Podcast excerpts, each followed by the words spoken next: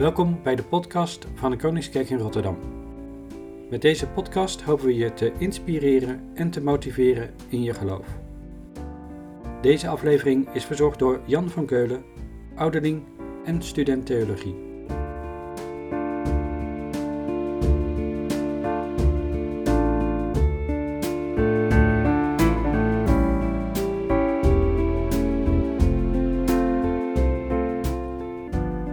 Welkom bij deze Koningskerk podcast over de vrucht van de Heilige Geest.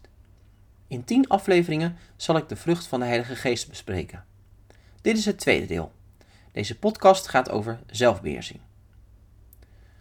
Voor ik ga inzoomen op deze eigenschap, lezen we nog even een keer de twee Bijbelversen waarin Paulus het over de vrucht van de Heilige Geest heeft. Galaten 5, vers 22 en 23, waar staat: Maar de vrucht van de Geest is liefde vreugde en vrede, geduld, vriendelijkheid en goedheid, geloof, zachtmoedigheid en zelfbeheersing. Er is geen wet die daar iets tegen heeft. Zelfbeheersing, dat is dus de laatste van de eigenschappen die genoemd wordt. En misschien is het wat vreemd dat ik er in willekeurige volgorde doorheen ga, maar het nieuwe jaar is net begonnen. En vaak is het begin van het nieuwe jaar ook zo'n moment om te starten met nieuwe voornemens. En aangezien veel van die voornemens vaak wel raakvlak hebben met zelfbeheersing, is het misschien nog niet zo vreemd om dus met deze eigenschap te beginnen. Maar wat verstaan we onder zelfbeheersing?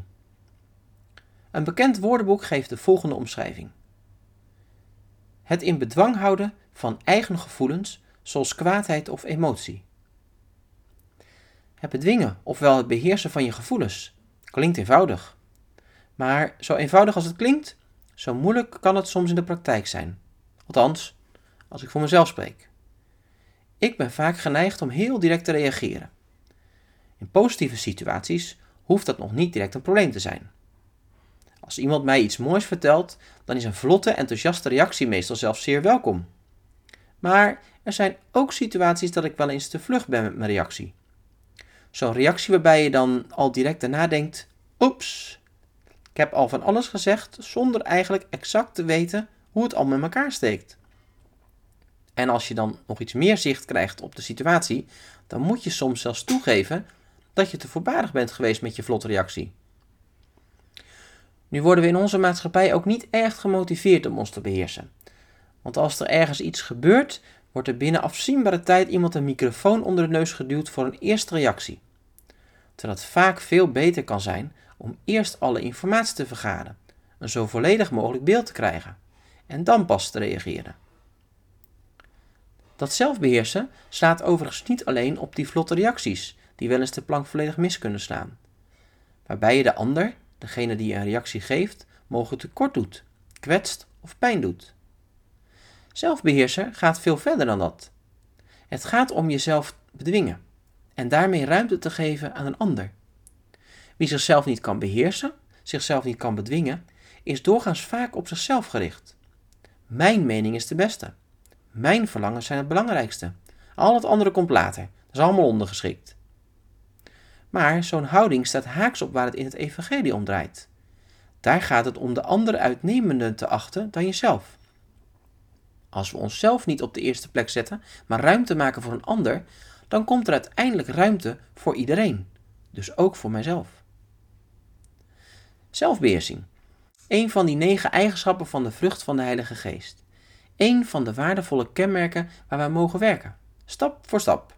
En met vallen en opstaan. Misschien is dit wel een eigenschap dat nog niet zo zichtbaar is in je leven. Zullen we samen bidden dat de Heilige Geest dit in je gaat ontwikkelen? Heilige Geest, dank u wel voor uw vrucht die u ook in mij wilt laten groeien en ontwikkelen. Ik kies ervoor om u de ruimte te geven om mij hierin te vormen. Leer mij om mezelf te beheersen. Dat ik niet alleen naar mezelf en naar mijn mening en verlangens kijk, maar ook naar die van de ander. En dank u wel dat u mij hierbij wilt helpen. Dank u wel dat dit kan door de genade van mijn Hemelse Vader. Amen.